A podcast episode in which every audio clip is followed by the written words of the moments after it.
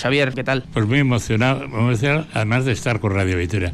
Allí empecé hace 66 años a hacer el primer programa de jazz que había por aquí.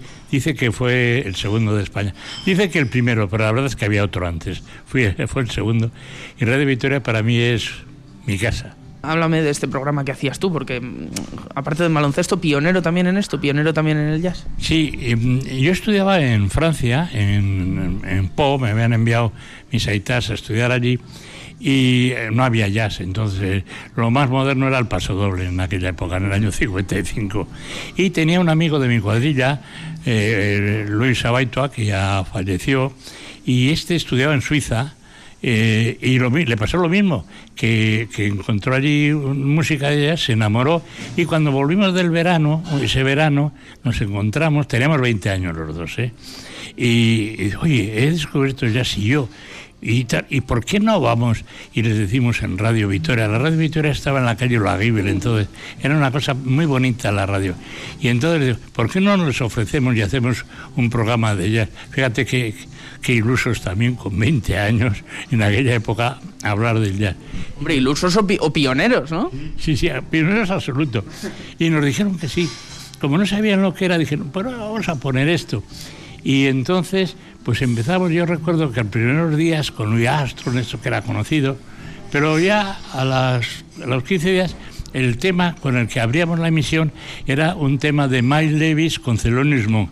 Imaginaros, Miles Davis y Thelonious Monk era como si dos músicos marcianos hubiesen bajado aquí, porque hoy siguen siendo modernos 66 años después. Y a partir de ahí, pues eh, hubo muchos años de, programa y luego ya vino la sucesión. Y es muy curioso porque el que sucedió fue el que realmente luego impuso el jazz, que era mi hermano Iñaki. Mi hermano Iñaki, que ahora ya está malico el pobre y esto, hizo 40 años de Festival de Jazz y 40 años de un programa de jazz en Radio Victoria también.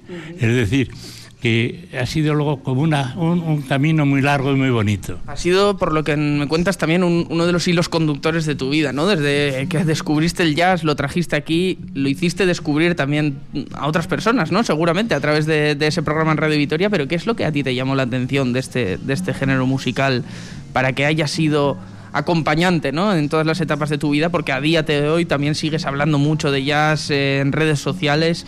¿Qué es lo que te llama la atención de este género? La libertad que tiene. Por ejemplo, a mí me dice, es que eh, ahí vamos a tener una ópera muy bonita. Entonces, o un concierto de música, un pianista que viene, que toca, a, que me decir yo, a Rasmaninov y tal. Y siempre tiene que ser exacto. Cada nota tiene que ser exacta y lo único que se valora es la ejecución maravillosa, porque dice, no, es que le ha puesto mucha alma en, ese, en eso que toca de este músico clásico, pero son las notas exactas. El jazz era libertad.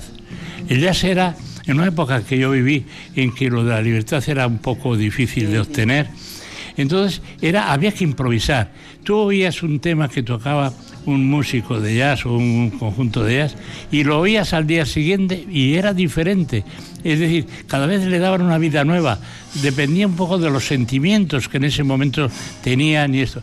Y eso, pues a mí me encantaba. A mi, mi amigo Luis, Abaita, como digo, que participaba ahí, pues le pasaba lo mismo. Y nos quedamos tan enganchados que luego pues ha pasado, ha pasado eso, ¿no?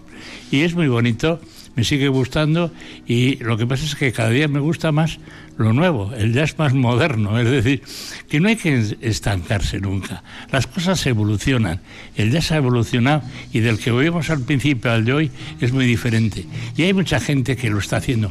Y hay una cosa muy bonita porque había, hay un conservatorio en Vitoria, bueno hay dos, eh, pero hay un conservatorio, uno de ellos es el que yo conozco, el otro seguramente es igual, en que todo era, eh, los niños y niñas, pero pequeñitos, desde los seis años, iban a estudiar música. La música que estudiaban, lógicamente, música clásica y tal, pero entró también el jazz, porque los programas de jazz, el festival de jazz, iban dejando una semilla, y esa semilla cuajó en el conservatorio.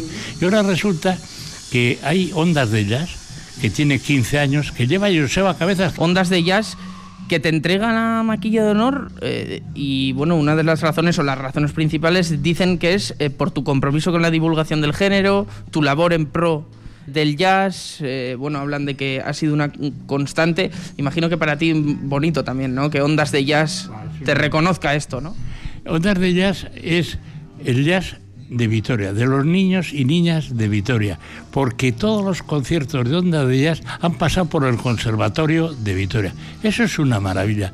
El conservatorio para mí ya es como un templo de la música, donde los valores como puede ser la música tiene un gran valor, un gran valor de formación en un niño, en una niña, tiene un gran valor de formación, un gran, es un valor que te transmite, creas un grupo de amigos que hacen música, es muy bonito y es un templo de música que Vitoria tiene que agradecer también.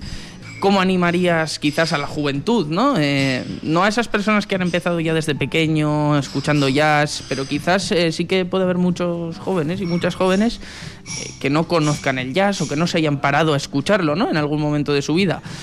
¿Qué les dirías? ¿Cómo les animarías a entrar en este género musical, en este jazz que a ti te cautivó de tan joven? Yo les diría que el jazz es imaginación, creación, libertad y que es un, van a estar, si estudian jazz o si estudian cualquier otra música, cualquiera, hasta la que nos parezca que nos gusta menos, si estudian música, van a llevar eso en el corazón y lo va a hacer mejor. Y en esta vida, el ser mejor, el ser buena gente, es fundamental. Y gracias, gracias, Mile Asker, a todo el mundo, a todo el mundo. Y es que Suri, Xavier.